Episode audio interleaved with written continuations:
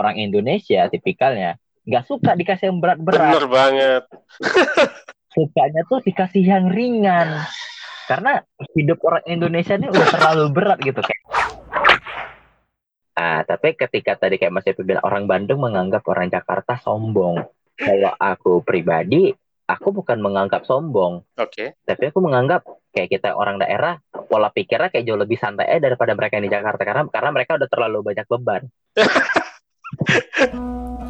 Grind your heels into the sheets. Grit your teeth and get some sleep this evening. Counting sheep.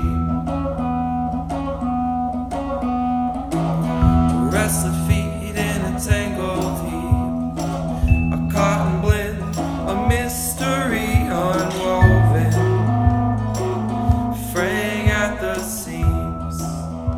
Selamat datang kembali di Keluar Rumah Podcast episode ke Waduh, keberapa nih? Saya lupa. Nantilah. Eh, kali ini saya mendatangkan tamu yang bukan penyiar nih. Bukan hanya kayak saya penyiar abal-abal, penyiar podcast. Ini adalah penyiar radio yang sekarang juga merambah ke podcast. Namanya Mas Fikri Hendra. Mas Fikri, silakan memperkenalkan diri, Mas. Waduh.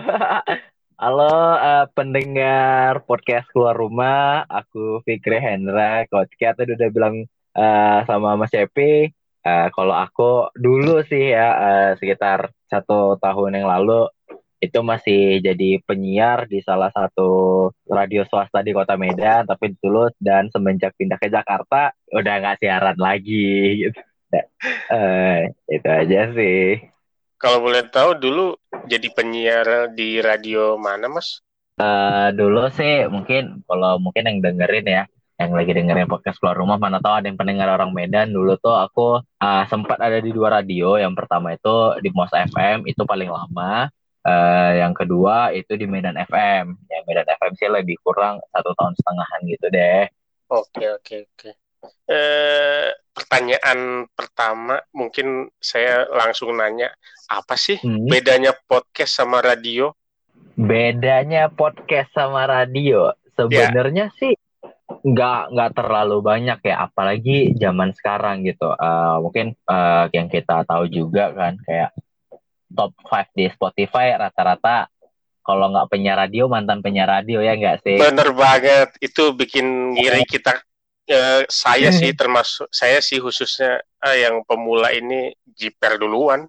Wah, Nah, sebenarnya sih nggak perlu jiper ya. Jadi eh, menurut aku pribadi, di kenapa akhirnya kayak aku sendiri yang dulunya penyiar, kenapa sih nggak pengen nyoba siaran lagi? Kenapa pengennya ke podcast? Karena sebenarnya eh, bedanya si radio sama si podcast ini. Nah, kalau di radio tuh kan itu ada batasannya. Kayak misalnya Kita tidak boleh kita tidak boleh sebut brand, kita tidak boleh Oke. ngomong, kita tidak boleh ngomong di atas lima menit kecuali serius kan. Jadi kan kita kayak kurang lepas gitu. Karena kan kayak tipikal radio sekarang itu nggak kayak radio zaman dulu. Oke, Ya, kalau bener. eh, zaman tahun 90-an ke bawah orang itu denger radio dengerin penyiarnya. Mm-mm. Nah, kalau sekarang orang dengerin lagunya dan Iya. mostly ala- dan, dan mostly hampir 80% radio di mana aja mau di Jakarta, Medan, Bandung, eh, Surabaya, lagunya sama, hanya cuman Iya. beda rotasi lagunya doang.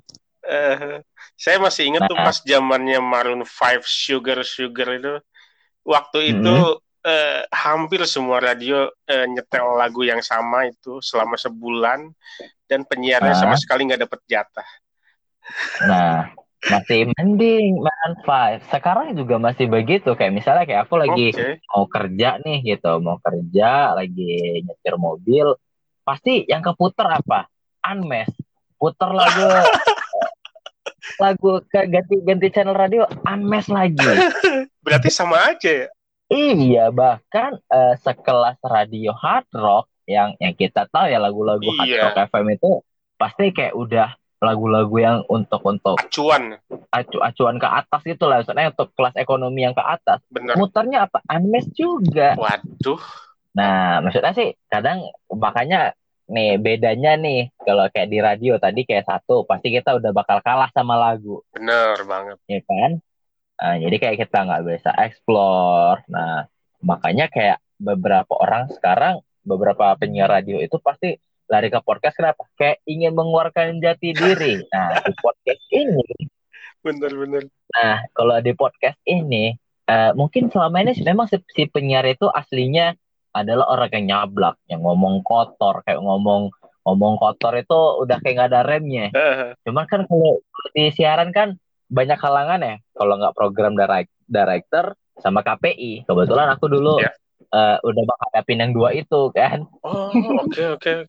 Itu tuh beneran ya? Beneran ya? Beneran dimonitor sama mereka ya? Beneran. Jadi eh, dulu aku ingat banget tuh. Aku dulu siaran pagi. Mm. Siaran pagi. eh, cuman cuman ngomong ngomong gini nih gitu. Misalnya ya, namanya kan eh, dulu siaran pagi masih di Medan. Ya programnya prime time lah gitu. Karena Ya. udah kebawa enak nih sama si tandem. cuman cuman jadi kayak kita tuh dulu punya segmen dulu aku inget banget punya segmen namanya kayak fill in the blank gitu. Jadi kayak lengkapin lah kata-kata berikut. Jadi jadi mainnya gini. Kalau kalau kita di radio kan dulu tuh yang harus dikuatkan adalah theater of mind ya. Gimana kita Bener. ngeracunin orang itu lewat kata-katanya kita. Mm, mm, mm. Nah, nah, emang mungkin otak nggak tahu ya entah otak siapa yang kotak apakah otak saya atau otaknya yang si monitor itu.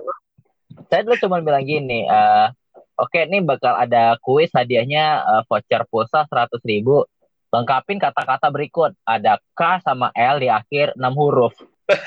ya padahal kan, ya padahal kan bisa aja kapsul, bisa aja kontol, ya enggak sih? Iya. Cuman tiba-tiba dapat aja tuh surat KPI gitu, ya enggak? Aduh. Iya benar-benar. Katanya di salah satu segmen ini di program ini itu ada kata-kata yang tidak tidak pantas dan dirasa tidak mendidik. Sebenarnya Itu eh, sebenarnya harus gak sih radio itu mendidik? Kan sebenarnya tujuan eh, media itu nggak harus mendidik, bisa aja menghibur, bisa aja menginspirasi dan lain-lain. mungkin eh, gini sih, mungkin yang lagi memonitor itu kadar lucunya nggak sampai situ. Wah, Jadi ya eh, kita positive thinking aja pada saat itu. Oh ya udahlah gitu. Kayak paling eh, karena kena tegur, ya udah kayak kita be- beberapa minggu itu ya deh coba main aman dulu kan. Nah, cuman ya itu, itu sih makanya akhirnya kayak mungkin kalau Mas denger tuh sering denger podcast Mas, ya, eh, rapot, BKR Brother, Ya.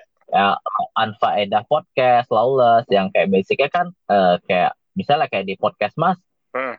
kecuali Omes, semuanya penyiar radio, ya iya, enggak? bener, Di rapot semuanya anak radio, iya.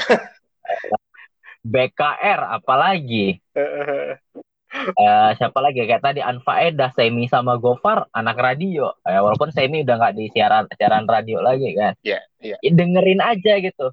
Eh, mereka ngomong ngomong maksudnya ini, aku di sini boleh ngomong kotor dikit gak sih maksudnya nyontohin aja ini Boleh lah. maksudnya eh, misalnya gini deh kayak misalnya kayak mereka ngomong anjing selepas itu gitu kayak ngomong apalah yang ya pokoknya kalau pengen lihat jati diri si penyiar eh, si penyiar itu ya di podcast. Nah Oke. makanya kira makanya itu sih yang sebenarnya masih banyak yang ngebedain kayak podcast sama radio. Nah kalau aku nih mungkin aku juga tidak eh, orang yang mungkin pot mendewa-dewakan podcast enggak. Karena menurut aku ah, radio tuh masih enak. Kenapa? Karena Hmm. ra- radio itu yang yang enggak ada di podcast tapi ada di radio itu adalah elemen of surprise-nya. Iya, bener, Nah, kayak misalnya, kayak misalnya gini nih, eh Mas Cepi atau mungkin yang lagi dengerin podcastnya Mas Cepi gitu, pernah nggak sih ngerasa eh kalau kita lagi denger radio, itu kayak kita lagi ngobrol sama si penyiarnya, Iya. atau mungkin kalau penyiarnya lagi berdua, kita kayak lagi ada di tongkrongannya dia. Mm-mm. Beda sama podcast, kalau podcast tuh ya mungkin nih kayak kita nih berdua ngobrol, Eh. ini ya antara kita aja kalau orang dengernya suka ya orang dengerin. Kalau orang dengernya nggak suka ya udah mungkin orang di 15 menit pertama cabut. Iya, pasti orang pasti mereka ngomong gitu ya nggak sih? Bener. nah Tapi kalau radio tuh itu elemen of surprise-nya kayak Oke. kayak misalnya gimana si penyiar nyapa si pendengar dan rata-rata kan si penyiar radio itu tuh jarang tuh eh ngomong kita ngomong apa pasti ngomongnya kayak kalau nggak kamu anda eh atau mungkin kalau di Jakarta lo ya gitu Ya. karena ke radio itu emang sifatnya personal Oke. Oke. Nah, personal. Kayak misalnya juga kayak elemen of surprise-nya pasti lagu. Kayak misalnya mungkin eh mungkin lima da eh tiga dari 10 orang mungkin yang bakal betah sama playlist Spotify yang dia buat sendiri. Selebihnya orang pasti balik ke radio karena Iya. orang akan bosan dengan playlist yang dia buat sendiri. Nah, itu sih. Iya sih Nah, benar. itu yang gak ada di Nah, nah, itu tuh yang gak ada di podcast tuh. Iya, kadang saya juga masih suka sih dengerin radio tuh. Soalnya ya udah Ah. kita let it flow aja gitu. Dengerin apa yang Hmm. diputerin sama si penyiar, terus dengerin insight-insightnya dia gitu. Cuman ya, Nah, wala- cuman ya minusnya sekarang tuh radio sekarang jatah si penyiar untuk ngomong eh, secara personalnya makin dikit ya. Nah, itu tuh. Makanya nih podcast muncul dan ya sebenarnya akhirnya orang tuh sadar, aku tuh sebenarnya pengen dengerin tuh penyiarnya. Kalau lagu ya di YouTube Iya. ada, di Makin banyak. di banyak gitu. Nggak pengen dengerin penyiar gitu. Oke, oke. Aku pengen nanya nih sama Mas Cepi. Apa nih? Kalau Mas Cepi sendiri ak- akhirnya bikin podcast keluar rumah nih karena apa gitu? Karena apa ya? Eh, sebenarnya sih udah pengen bikin dari dulu. Dari Hmm, awalnya pas 2015 tuh denger Adriano Calbi. Oke. Eh, dia kan eh, bikin podcast pertama lah di Indonesia seolah-olah pionirnya. Cuman mau Mm-mm. bikin tuh ragu-ragu terus karena takutnya terbayang-bayang sama warna suaranya dia, terus topiknya dia. Nah, kemarin ya akhirnya pas lagi work from home, kebetulan waktu luang jadi lebih banyak. Ah, ya udahlah, mulai dulu aja. Dan ternyata kecanduan deh. Memang sih, memang. Jadi sebenarnya, eh jadi aku kayak pernah baca gitu ada artikel di mana lupa. Nanti paling ntar kalau aku dapat lagi ntar aku share deh linknya. Ya. Eh, jadi tuh kayak eh, ada artikel yang bilang sebenarnya orang itu bakal gampang sembuh penyakitnya. Kalau kalau nggak dengerin orang ngobrol, Ah, benar. yang ngobrol sama orang. Ah. Nah, Ya. itu dia tuh. Jadi kan work from home itu kita jarang ketemu orang kan. Mm-mm. Jadi bentuk apa ya? Bentuk eh, aktualisasi diri juga sih. Nah, itu dia. Kalau makanya kayak aku akhirnya pada aku sih sebenarnya mulai podcast itu tuh tahun 2018 ah, eh 18 akhir. Oke. Nah, jadi dulu tuh aku sebelum punya podcast yang Mas JP tahu yang si analisa mata minus tuh aku Ah. dulu udah pernah buat dua podcast sebelumnya. Oh, Jadi kayak emang cari jati diri dulu nih gitu. Arahnya ke mana? oke oke. Jadi dulu pernah, pernah punya podcast dulu, karena ya ya sama ya kayak ya rata-rata orang yang memulai podcast pasti apalagi kalau orang dulu ya yang memang ngerti podcast lama pasti Hmm. karena pengen kayak Adreno Colby karena pasti dengerin Adreno Colby itu Iya. wajib itu wajib dia pemain pertama udah Ya. dari si zaman SoundCloud oke Ya. nah akhirnya bi- mutusin bikin podcast karena memang pada saat itu udah nggak di radio kayak aku kalau memang karena kayak pas jadi gini tuh keluar dari radio empat bulanan kayak ngerasa kok ngomong udah nggak selancar dulu ya oh Hmm. berarti kayak kalau kita nggak dilatih nih atau nggak sering ini bakal berubah lagi nih gitu Mhm. jadi makanya akhirnya oke deh coba deh bikin podcast oke waktu pernah bikin podcast namanya podcast santai mungkin masih ada kayaknya di Spotify udah jalan Oh, udah oke. jalan lumayan baik udah jalan lumayan banyak kayak 7 atau 8 episode Heeh. nah cuman pada saat itu tuh kayak masih kebawa sangat radionya maksudnya kayak aku masih Mhm. belum berani ngeluarin Yes, ini iya. loh aku yang sebenarnya Benar benar gitu benar. kayak pasti cari cari aman kayak misalnya cari aman dalam arti eh, belum berani tuh di podcast itu kayak yang ngomong sendiri itu belum kayak Oke. masih yang oke aku pengen nanya-nanya Nah. eh mis- misalnya soal misalnya soal kultur budaya setempat gitu. Oh aku nanya sama ini, aku misalnya pengen nanya musik lokal, ngobrol sama kayak. Jadi lebih spesifik sih Oke. pada saat itu. Nah cuman ngerasa kayak yang ya munafik sih kita kalau nggak kalau ngerasa eh, kok sedikit ya yang dengerin Iya. ya, gitu. Tetap aja kita tuh pengen Iya. didengerin sih. Heeh, kayak pasti punya angan-angan kapan ya masuk eh 200 top Spotify aja gitu. Iya, iya. Nah, gitu. Sampai, pada akhirnya ngajak temen, bikin yuk bikin lagi yuk gitu. Oke. Jadi dulu bikin podcast.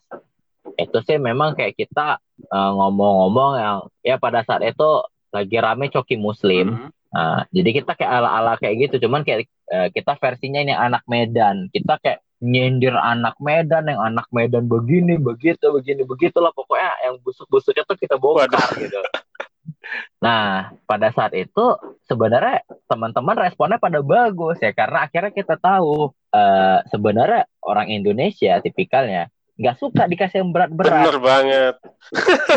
sukanya tuh dikasih yang ringan karena hidup orang Indonesia ini udah terlalu berat gitu kayak kantor udah capek di kampus udah capek Iya, benar benar. jadi makanya kita nggak heran kayak banyak konten-konten aneh itu viewersnya gede Iya. ya. Jadi di YouTube gitu sih Aduh, ini agak-agak rada-rada ini ya eh, pedes ya omongan malam ini gitu memang ya memang itu eh, realitasnya begitu sih. Saya bikin saya Hmm. bikin episode podcast yang membahas korporat. Wah, itu ya sama sekali nggak menarik di apa dibanding yang lain-lainnya, yang personal. Nah, sebenarnya kita gini sih kalau kayak aku gitu. Nah, ini kita kayak balik lagi nih yang ngomongin podcast aku dulu nih gitu. Boleh. Eh, kayak dulu aku yang yang aku bilang sempat ngedak podcast aku itu adalah dulu ber- berdua ada sama temanku si Nasti namanya. Cuman dia sekarang udah bikin podcast tapi dia akhirnya melanjutkan dengan gaya itu tapi di podcast dia yang baru gitu. Mhm. Jadi eh, orang pada suka, orang kayak pada eh bahas ini dong, bahas bahas ini dong, bahas yang yang aneh-aneh lah pokoknya gitu. Nah, akhirnya pada saat itu kita berhenti di empat episode gara-gara eh, akunya pindah ke sini, pindah ke Jakarta, Wah, pindah ke Jakarta kayaknya kalau dulu kan belum ngerti nih teknologi begini nih kan kayaknya Anchor baru-baru aja nih kan bikin fitur Baru begini sih. gitu. 2018 kayaknya. Mm-mm. Nah, terus mikir, oh, udah deh. Lagian juga kalau nggak tatap muka langsung tuh, menurut aku pada saat itu kayak masih masih kurang aja feel-nya gitu. Iya sih. Udah ada gitu. Nah, akhirnya ada satu momen kayak udah mau bener ya mas nge-podcast saya mas. Serius karena mikir eh kalau bikin podcast yang mendidik ya kita bilang ya. Edukasi yang dengerin dikit. Sekalinya bikin konten yang eh ya semi-semi sampah lah ya gitu. Eh yang dengerin banyak. Cuman ya gini eh, orangnya satu di sana satu di sini. Nggak nggak akan bisa dilanjutin gitu. oke. kayak ibar orang pacaran LDR sulit nih gitu kan. Oke deh, akhirnya eh, pada saat itu aku ternyata nggak tahu nih. Aku kira ah podcast aku aku paling cuma sekedar nge-share nge-share doang gitu Hmm. kan. Ada satu orang eh aku lupa namanya siapa dia nge-DM eh, Bang Fik nggak pernah nge-podcast lagi. Wah, Aku nungguin loh Bang. wah ternyata ada pendengar setia. maksud aku gini ada yang dengerin nih ya kayak Mas Wila ada pendengar setia Ya. nih gitu Eh, terus kayak pada saat itu ya udah mulai nih bangkit oke deh ada yang nanya begini berarti bakal ada yang dengerin sampai akhirnya eh, aku tuh sampai nanya sama teman-teman aku yang dulu kayaknya kalau bikin ya sempat brainstorming lah bikin podcast gimana lagi ya bikin podcast gimana lagi ya nah jadi yang akhirnya kebentuk si analisa mata minus yang sekarang ini akhirnya Mas Epin kita ketemu juga gara-gara podcast itu Iya, kan bener. gitu. Jadi tuh teman sebangkunya aku. Jadi kita kayak lagi teleponan, udah lama nggak nggak ngobrol. Saya aku iseng aja nanya, eh aku kayak bikin pengen bikin podcast lagi lah. Cuman kok kan tahu nih, aku dari dulu gimana dari SMA. Menurut gue aku kali itu gimana? Pada saat itu si teman aku tuh langsung bilang, jadi dulu tuh emang aku dulu pas dari SMA itu hobi Oke. nulis, hobi nulis, tapi nulis kayak mungkin yang selama ini tuh orang nggak nggak peka Mhm. ya hampir mirip-mirip apa ya materi stand up comedy Iya. cuman aku nggak nggak mau nggak mau ekspektasi lucu cuman kayak eh ya pasti orang pasti peka nggak ya kalau misalnya aku ngobrolin ini makanya kayak Iya. kenapa namanya analisa mata minus. Jadi itu memang apa yang aku lihat, cuman kayak aku analisis kalau kenapa mata minus karena pasti banyak kurangnya. Oke. Oke, oke. Nah, nah, jadi kayak pada saat itu tuh dulu aku oke, aku eh, pas di podcast santai dulu pas yang aku bikin podcast sempat pernah tuh aku ngobrol sendiri, aku ngebahas tulisanku yang ada di blog. Jadi aku dulu pernah nulis, kenapa cewek kalau foto kepalanya miring? Perhatiin deh foto. Mungkin Mas Cepi eh, udah berkeluarga kan? Coba lah deh lihat di handphone istrinya Mas Cepi. Pasti rata-rata foto selfie-nya kepalanya Iya. miring. Bener. Nah, sampai akhirnya aku di analisa mata minus ini ngebangkitin kepekaan itu lagi gitu. Makanya kayak eh, di beberapa episode kayak yang awal aku kayak ngebahas transportasi umum kayak karena kenapa aku ngebahas transportasi umum kayak jadi pernah aku lagi lewat di Lenteng Agung ngelihat eh, KRL Jakarta Bogor itu kalau udah sore kayak ikan asin semua di dalamnya gitu. Iya, iya. Mas Epi kalau nggak salah salah satu penumpangnya dari di situ kan? Ah, bukan sih. Saya kebetulan kerjanya deket. Oh dekat, tapi setidaknya pernah ngalamin lah ya Pernah. eh, Jakarta Bogor. Pernah. Eh, soalnya kayak kebetulan juga eh, aman dulu di awal nyari narasumber deh. Siapa ya? Oh teman SMA lagi di Jakarta. Ya. Dia kebetulan emang pengguna si rute itu. Ya udah aku interview aja dia kayak mana rasanya, pahitnya gimana, yang pulang-pulang di kereta Eh. bawa badan, yang itu yang aku bahas. Jadi eh, kayak sekarang kayak aku udah nggak nggak mikir ada yang dengerin atau enggak, cuman aku kayak ngeluarin ini loh aku yang sebenarnya gitu. Nah, iya bener sih. Jadi lepasin dulu ekspektasi yang muluk-muluknya ya. Yang penting kita fokus sama kekuatan kita sendiri Nah, dulu. ya. itu dia. Nah, makanya oke deh aku coba bahas-bahas mungkin yang bukan nggak pernah dibahas orang ya, cuman kayak oh kalau dari mata dari point of view-nya aku nih begini, ini orang gitu. Heeh. Oh iya, saya mau nanya nih. Eh, sekarang kan Mas Mas Fikri udah pindah ke Hmm. Jakarta ya dari Iya. Medan. Ada shock culture nggak ketika menghadapi orang-orang Jakarta dibandingkan dengan eh, di Medan? Pernah nggak dicap sebagai anak daerah stigma Wah, ya? pasti dong. Kalau itu sih, kalau itu sih udah bukan rahasia umum lagi ya. Makanya orang bilang eh, ibu kota Jakarta, ibu kota itu lebih kejam dari ibu tiri. Ya memang iya gitu. Bener Iya. banget. Ya makanya sih kayak aku pribadi gitu. Ya mungkin sebenarnya sih kalau aku kayak pengen nyari eh, ketenaran, eh, ya famous gitu bahasa ngapain pindah ke Jakarta gitu. Ya enggak sih, mending di Medan aja. eh, eh, eh. Men- mending di Medan aja. Cuman aku pikir ah, kalau gini-gini terus gak bisa. Ya sekali-sekali lah dicambuk-cambuk sama Enda gitu kan. Gimana sih gitu. Iya. Ah, Oke, datang nih berangkat ke Jakarta.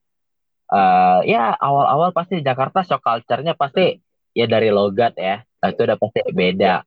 Orang Medan itu mau dibuang ke ujung mana pun ketahuan di orang Medan Iya. ketahuan. Walaupun sebenarnya aku tuh bukan asli orang Medan, ya bapakku Sunda, cuman ya karena emang Oke. sempat besar di sana, jadi ya pasti kebawa kultur sana dong. Eh, eh, eh. Aja eh, KTP lahirnya Tangerang, jadi ya cuman karena ya besar di sana pasti orang nganggapnya ya orang Medan. Mau aku bilang eh, eh aku orang Sunda loh, nggak orang nggak percaya. Toh memang aku juga nggak bisa bahasa daerah gitu kan. Eh, eh, Nah, oke. Tadi kita ngomongin anak daerah. Oh, eh, shock culture-nya pasti satu logat. Kedua, eh, lifestyle sih, gaya hidup. Eh, Menurut aku, di sini itu 5 atau 10 kali lebih maju daripada Medan. Terus, kayak misalnya, eh, contoh nih, kayak aku pas awal-awal baru kerja gitu di Jakarta, naik naik Transjakarta, itu asli eh, Mas Cepi aku nggak pernah tuh lihat ada anak sekolah cium-ciuman kening di depan mataku di depan umum itu di Medan aku belum pernah lihat Oh iya? paling mentok-mentoknya di 21 di A1 A3 ya nggak sih Iya. Iya. Nah, ini di Transjakarta ada anak sekolah. Ya walaupun mereka nutupin eh, simbol sekolahnya pakai jaket kardigan gitu ya gitu ya. Cuman ya anak sekolah gitu. Udah cium-cium kening gitu. Terus kayak si ceweknya turun duluan, cipika-cipiki dulu dan itu di di Transjakarta posisinya lumayan padat loh. dan orang-orang sekitarnya biasa Bodo aja. amat. Wah, iya ya, saya saya juga kayaknya sama deh kalau lihat Eh, Mas Epe dulu di mana asal? Bandung ya kalau nggak salah ya? Bandung. Eh, Bandung ya. Kalau Mas Epe shock kulturnya gimana? Kalau aku sih awal itu belum lagi ntar yang lain. Tapi Mas Epe dulu. Yang pasti sih pertama kali ke Jakarta, bukan ini ya, bukan piknik doang gitu. Eh, Misalnya kerja gitu. Kebetulan pas lagi ada tugas ke head office, gimana ya? Orang-orangnya tuh lurus gitu, jalan lurus, nggak ada sapa-sapa apa gitu. Terus jalannya cepat, terus apa ya? Pokoknya eh, semuanya bodoh amat. Hmm. Kayak bodo amat aja gitu. Kayaknya emang di sini Eh, eh, menurut kalau aku pribadi sih nganggap Jakarta tuh sangat individualis. Oke. Nah, nah tapi nih pas aku juga baru pertama, maksudnya bukan pertama ya. Sebenarnya sih kalau pertama sih enggak ya, karena dulu eh, aku lebarannya lumayan kebalik. Jadi ketika orang pulang orang Jakarta pulang kampung ke Medan, aku malah pulang kampungnya ke sini gitu, kayak lebaran di sini gitu. Cuman kan ya pada saat itu kan momennya kayak cuma lebaran, itu pulang lagi ke Medan. Nah, salah satu kul- kultur shock aku adalah ak- akhirnya aku baru tahu ternyata orang Jakarta tuh menganggap semua orang Medan adalah orang Batak. Nah, iya, Hmm. iya. Padahal beda ya. Nah, sebenarnya Medan itu tuh Melayu. Hmm, Yang Batak oke. itu adalah Karo. yang mengelilingi Medan. Ah, ada Batak Karo, ada Batak Toba, banyak Batak atau Batak Mandailing. Jadi eh, tapi kalau senternya Sumatera Utara itu si ibu kota si Medan ini itu Melayu. Oke. Nah, itu Melayu. Nah, jadi kayak kebetulan kan ibunya aku memang orang Melayu. Jadi makanya ya, kena- jadi aku akhirnya tahu kenapa orang Jakarta nganggap semua orang Medan adalah orang Batak. Karena emang pada saat itu emang kulturnya orang Batak ini nih yang senang merantau daripada orang Melayu karena kan Oh, orang Melayu ini identiknya di sana adalah ya saudagar-saudagar kaya yang iya. boro-boro merantau ya ya dilayanin gitu. Eh, Nah, kulturnya begitu tuh, gitu. Beda nih mungkin sama kultur orang Padang yang memang punya punya tradisi merantau. Eh, Iya, tapi iya. kalau di Sumatera Utara sih biasanya tuh yang merantau itu adalah orang-orang Batak karena mungkin ya aku akuin ya gitu eh, secara mental nyali mereka lebih lebih gigih, lebih kayak disuruh Hmm. dari nol sampai ya ya sampai sekarang ya kita tahu ya ada slogan jangan pernah sombong di atas langit masih ada Hotman Paris gitu kan. Iya, sampai tambal ban juga dia tetap gigih ya. Mm-mm, gitu. Maksudnya sampai ya ke titik itu tuh dia masih tetap gigi Eh, orang Batak ini emang aku akuin gengsinya nggak ada gengsinya gitu. Kayak Iya, iya bener. nah itu dia. Jadi makanya ya stigma orang Jakarta adalah orang Medan itu orang Batak. Makanya kayak aku, aku pas ya pas baru-baru kenal kenal sama teman-teman kerjaan di sini mereka pada nanya marganya apa bang lah bora-bora marga aku orang Sunda mulai Oh, oh nggak punya marga ya berarti? ya kalau Melayu nggak ada marganya gitu Oh, nah kalau Melayu nggak Orang ada. Melayu nggak ada, cuma orang Batak yang punya marga itu dia. Nah, terus terang saya juga baru tahu, Mas. Nah itu dia kan. Nah jadi ya itu sih. Jadi mungkin buat yang lagi dengerin, eh, aku cuma pengen ngasih sebagai perwakilan ya anak Medan setengah Sunda setengah Tangerang ya gitu. ya Medan itu nggak semuanya Batak. Nah justru lucunya, lucunya gini nih.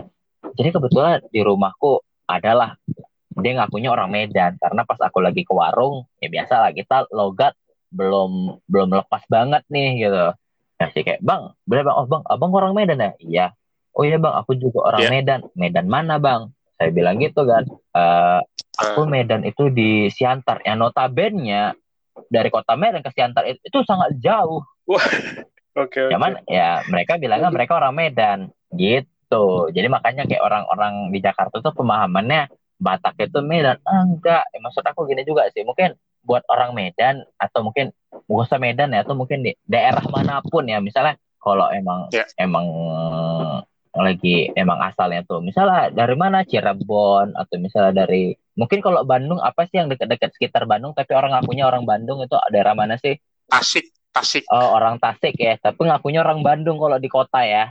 Iya, Nah, Garut, Tasik. nah, sama tuh berarti kayak di Medan ada Binjai, Siantar, eh, ada Danau Toba, bahkan orang Toba aja ngakunya ke Jakarta tuh adalah mereka orang Medan. Nah, maksudnya gini lah, Tasik kan bagus ya, Garut bagus, atau ya mungkin yang sekitar Medan kayak Siantar, Binjai dan Toba dan lain-lain juga bagus ya. Kenapa sih nggak bangga dengan daerahnya sendiri gitu? Iya. Justru sebenarnya tuh menurut aku sih kayak jadi momentumnya kita sih untuk kenalin daerah kita. Oh iya, aku orang aku orang mana misalnya? Oke, aku orang Toba. Ah, Toba, Danau Toba. Iya, Danau Toba. Ya empat jam lah dari Medan Mhm. gitu. Yo, kalau memang mau ntar kita liburan kantor main deh ke kampungnya aku nah itu kan bisa bisa bisa jadi salah satu momentum ya kita promosi tempatnya kita gitu Iya, iya benar-benar. Oh. Terus eh, ini yang saya rasain beda dari Jakarta dibanding ya daerah lah. Mhm. Tapi eh, apa ya? Kalau daerah itu biasanya nerimo gitu. Apa pun hasilnya ya udah nerimo seadanya. Ah, Tapi kalau di Jakarta tuh nggak bisa gitu. Misalnya dia dapat hasil kerjaan jelek, nggak bisa harus benerin, benerin terus, benerin. Misalnya terus eh, jualannya nggak laku, pokoknya harus laku gitu. Nggak boleh itu kita pasrah atau kita nerimo. Gimana mas? Kalau menurut mas? Em, mungkin ya Kulturnya apa sama kayak di Medan? enggak sih di Medan sih masih kayak Mas bilang kayak nerima apa adanya tuh masih gitu Oh masih. masih Oke. ma- masih nyantai lah soal kerjaan ya gitu kayak kalau kalau nggak bisa tembus ke limit yang sini udah gak usah dipaksa gitu udah bentokin aja di limit gitu misalnya ah, ah. Nah, dan akhirnya aku ngerasain kerja di Jakarta gitu dengan pressure yang amat sangat tinggi dengan pola kerja mereka yang tiga kali lebih cepat menurutku daripada orang Medan. sama mas. Eh, iya kan? Eh, jadi mungkin di sini tuh orang-orang apalagi mu- mungkin sih eh, kita mungkin hitungannya masih baru mungkin ya di Jakarta bu- bukan kayak mereka yang dari lahir. Iya. Nah, maksudnya besarnya di sini gitu kan. Ah. Nah, mungkin di sini tuh kayak kita tuh udah udah kemakan, udah kemakan ya namanya uh, time is money itu udah sangat diterapkan sekali di Jakarta sebagai lifestyle gitu. Setuju. Satu, time Setuju. is money. Kedua, eh, kenapa di Jakarta ini menurut aku juga kayak orang-orang tuh egois, Berlomba-lomba, belum- berkompetisi. Eh, karena ya di Jakarta nih semua ada, ya enggak sih? Kawannya banyak. Enggak cuman itu, enggak cuman kawan, cuman semuanya tuh ada di Jakarta menurutku. Makanya kayak kenapa orang-orang tuh pengen ke Jakarta karena semuanya ada serius. Bener-bener. Maksudnya kita pengen jadi orang baik di Jakarta bisa, ada tempat-tempatnya. Iya, iya. Mau jadi orang yang iya iya bukan dibilang jahat sih enggak ya, tapi pengen Ya. merasakan hidup ke barat-baratan. Ya ada di Jakarta tempat-tempatnya gitu. Nggak nanggung-nanggung lagi. Mm-mm, gitu maksudnya itu tuh ya mungkin kalau di daerah kan nggak sebegitunya gitu kayak misalnya Iya. kayak kayak Bandung deh mungkin kayak Mas Mas Cepi deh orang Bandung ya walaupun kayak aku beberapa kali dengar wah di Bandung nggak jauh beda lah sama Jakarta sebenarnya apalagi kayak ada tempat satu-satu tempat yang ya ya begitulah ya gitu kan Mhm. ya cuma tapi ya se maksudnya menurutku ya se bandel-bandel orang Bandung santun-santun ya enggak sih Bener. orang Iya. orang Bandung tuh Paling paling enggak hormat sama orang tua lah. iya gitu orang Bandung kalau marah nggak kayak marah menurut orang Medan.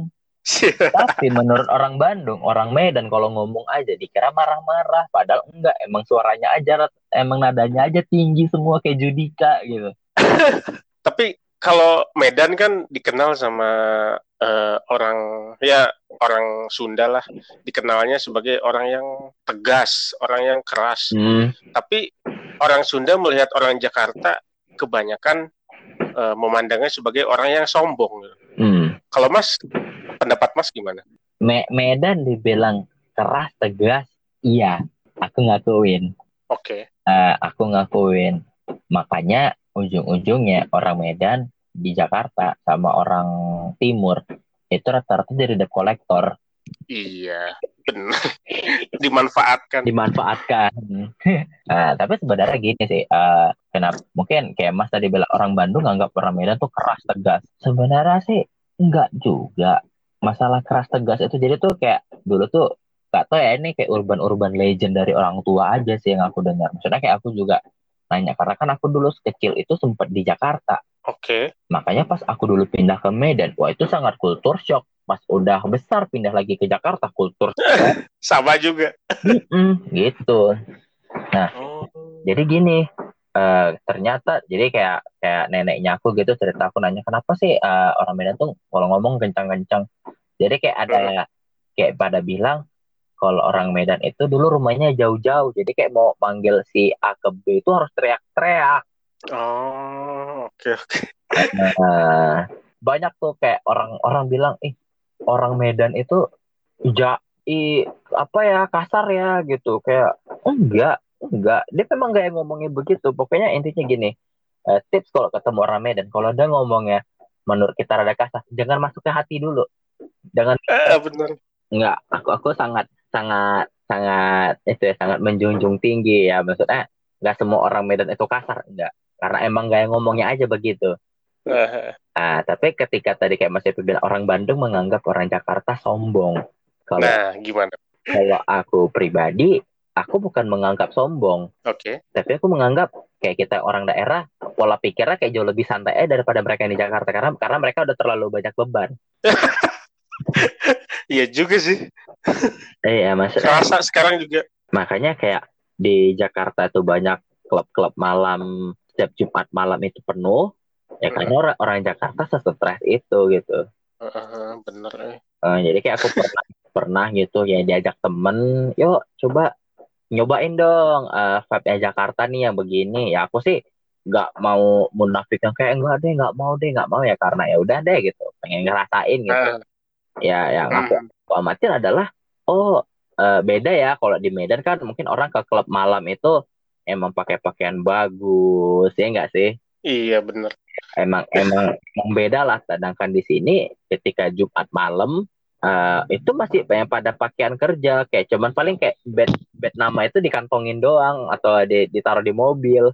Kayak masih pakaian kerja masih ada yang pakai batik gitu ke ke klub malam gitu. Ya karena oh yang akhirnya aku amatin oh sepenat ini mereka gitu. Kalau kita kan Oh.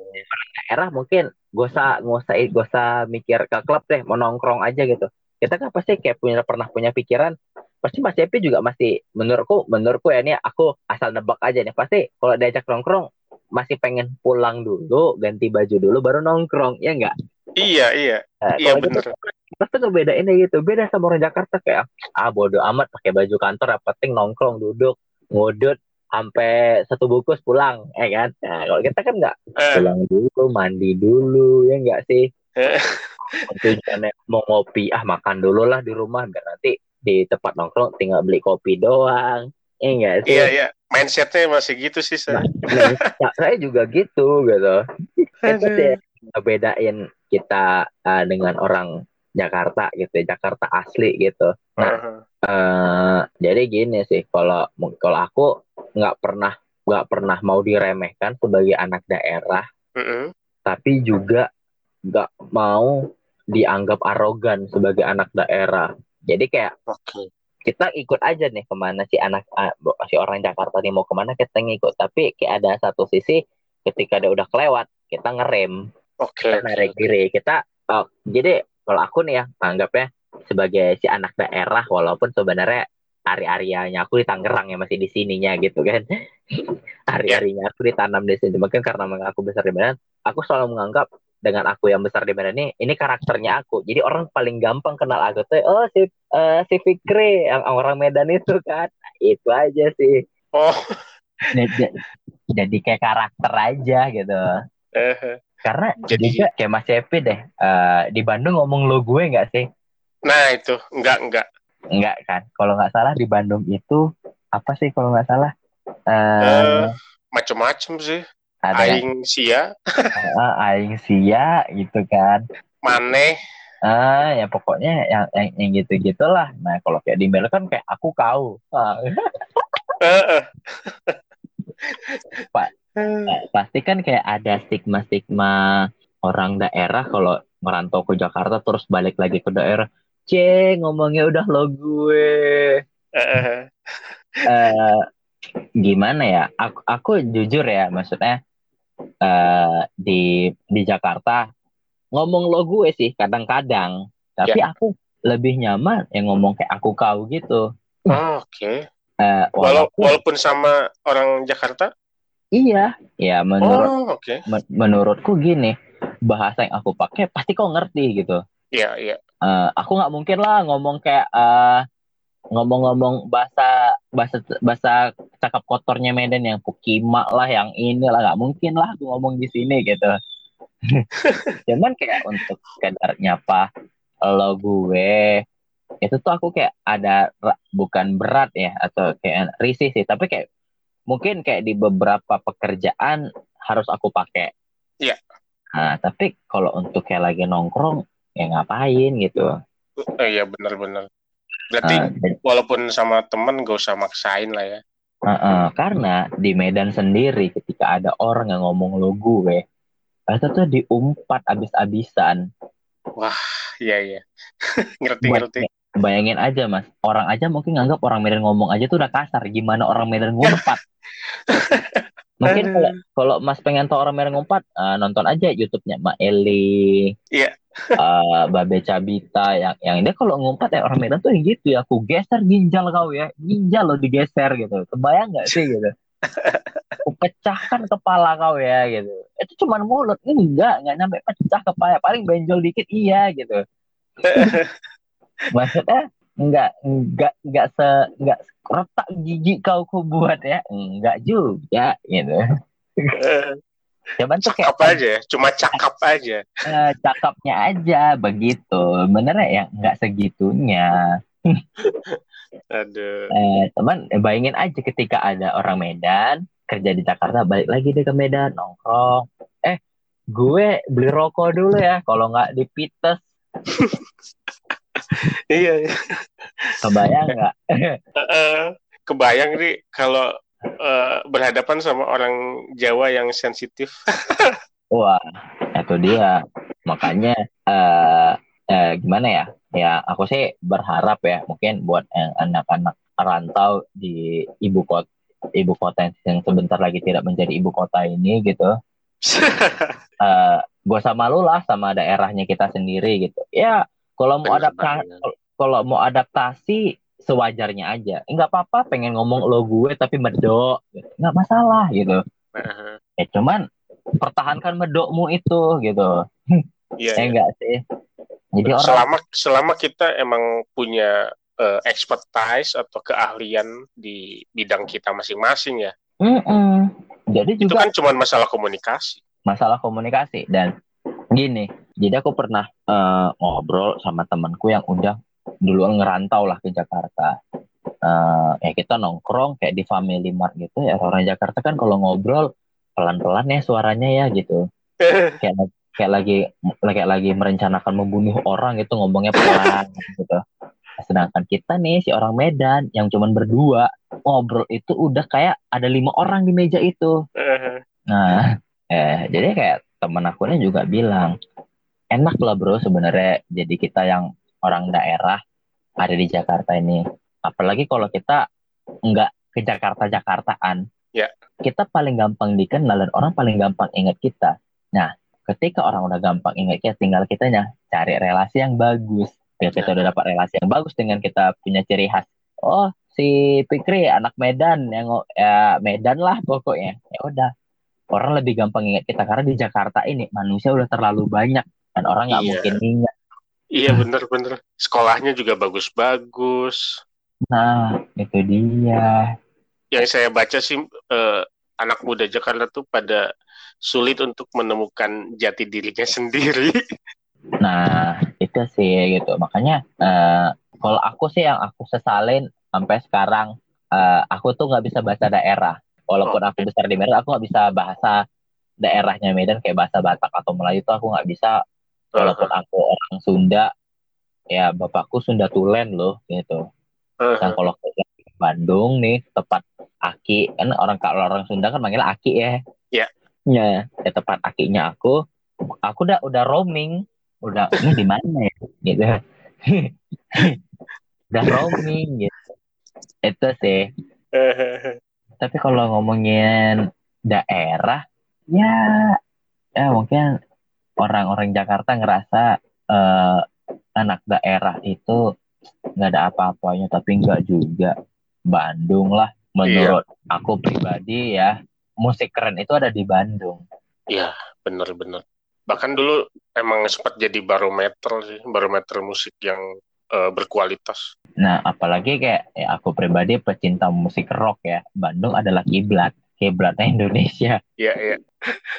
Eh, mungkin ya kok kalau Jakarta adalah eh, band-band yang kayak semi-semi Britpop itu Jakarta Eh, kalau Bandung, kalau wah macam-macam sih. sih.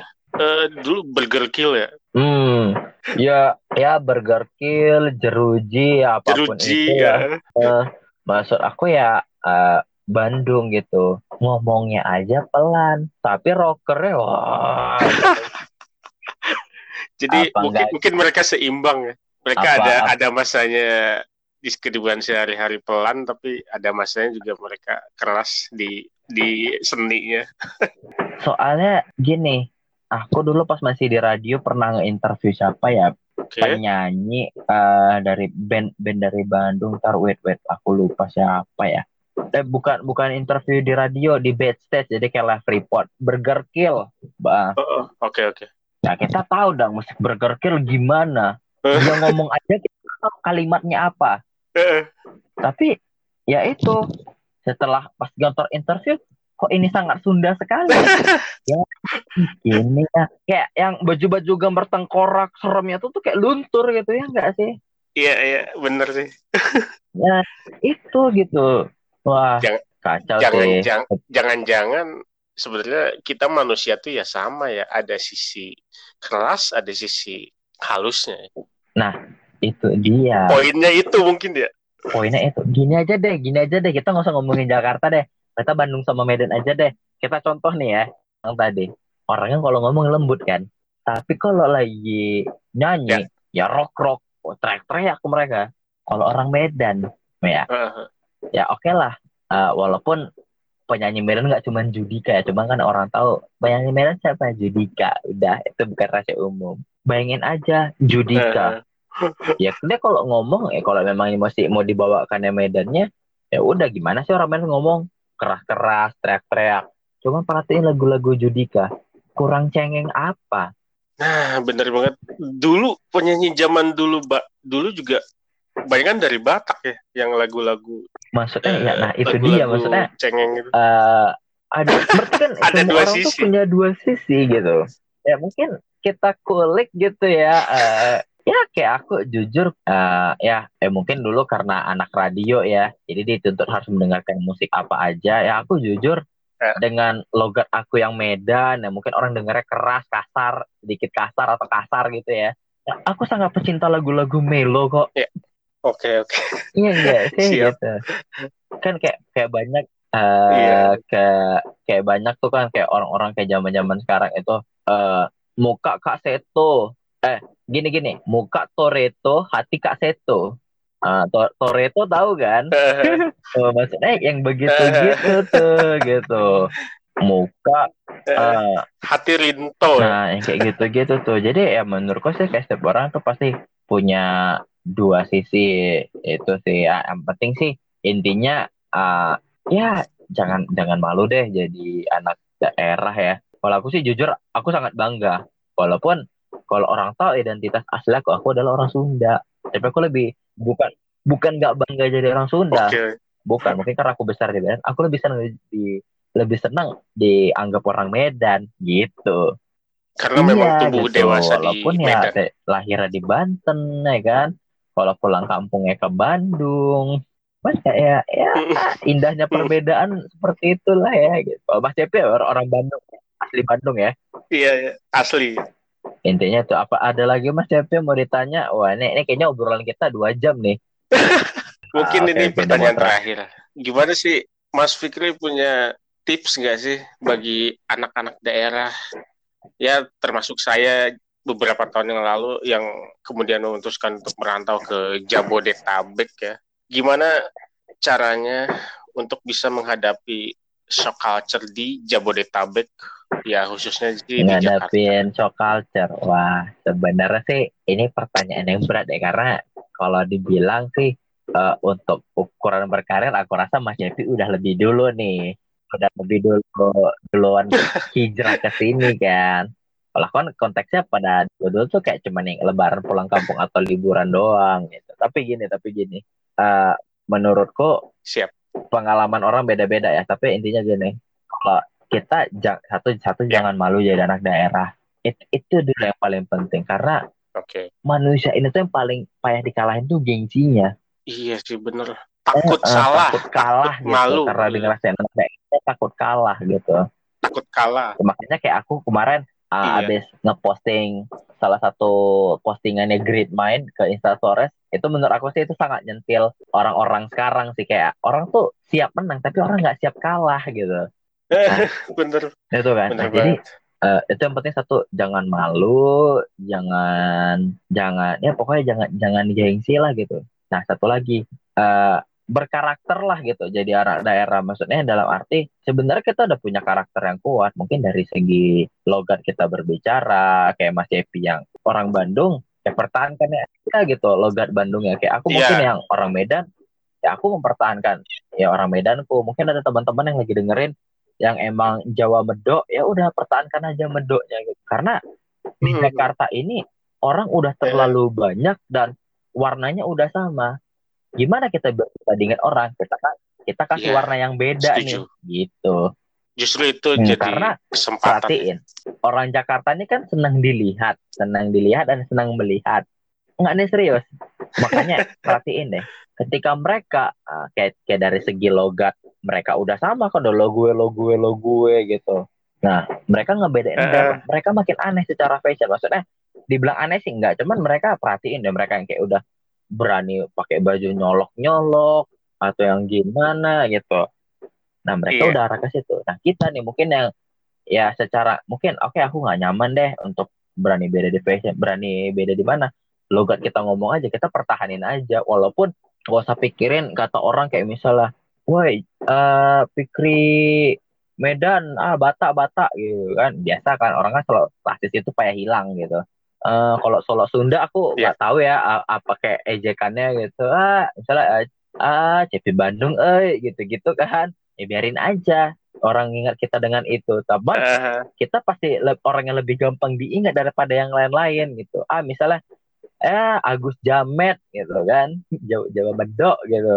Ya udah, ya Jamet Jamet gitu. Yang penting aku nggak main TikTok kayak TikTok gitu. Ya udah, aman kan gitu. Nah itu sih menurut aku Oke, eh, sama yang terakhir kalau jadi anak daerah. Nah kayak ini kita ah, tarik lagi kayak apa yang aku bilang tadi. Eh, ikutin arusnya orang Jakarta, tapi punya batas. Ketika udah ngelewatin batas yang menurut kita wah aku nggak akan bisa nih. Bukan bukan nggak akan bisa.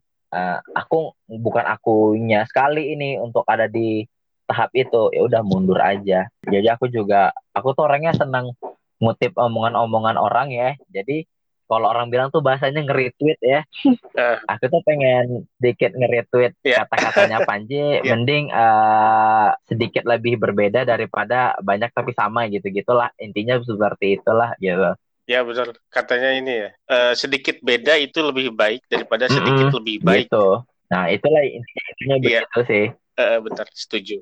Oke, oke, oke. Oke, oke. Eh, thank you banget Mas Fikri udah mau eh, ngobrol-ngobrol di keluar rumah podcast. Next time Wah, kita bisa bahas aku yang lain nih. lagi nih. Eh, sangat sangat mau aja nih bahas apa yang penting aku satu jangan bahas jangan bahas elit global Kamu Ntar ditangkap enggak lagi. ya sebenarnya kita bisa sih bahas elit global untuk menekan pendengar podcast cuman ya kita ki- kitanya juga nggak ahli-ahli di situ gitu kan kalau aku sih lebih lebih ahli gimana caranya membuka Iya, situs iya. bokep in- di Indonesia gitu VPN VPN mana yang bagus sih kayaknya aku lebih banyak recommended daripada ngomongin elit global gitu eh kalau yang ini mau dipotong ya bener, ya bener. gitu menarik Nggak, ya kayaknya gitu. ini menarik. Kayaknya next time ya boleh lah sesekali bahas itu. Eh tapi by the way aku juga pengen thank you nih eh buat Mas Epi. Wah akhirnya ada juga yang menjadikan aku narasumber. Ya Allah amin. Sama-sama Eh, Mas. Ma- podcast keluar kita rumah you. walaupun sekarang tidak boleh keluar rumah gitu kan. asik. Iya, iya, iya. Bener. Oke. Oke oke, Eh, sampai Hmm. jumpa lagi. Oke, thank Mas you Fikri, juga. Uh, sukses sukses juga nih selalu. buat Mas Cepi dan podcast keluar rumahnya. Ya semoga tungguin aja ya collab-collab kita selanjutnya ya. Siap. Oke. Bye.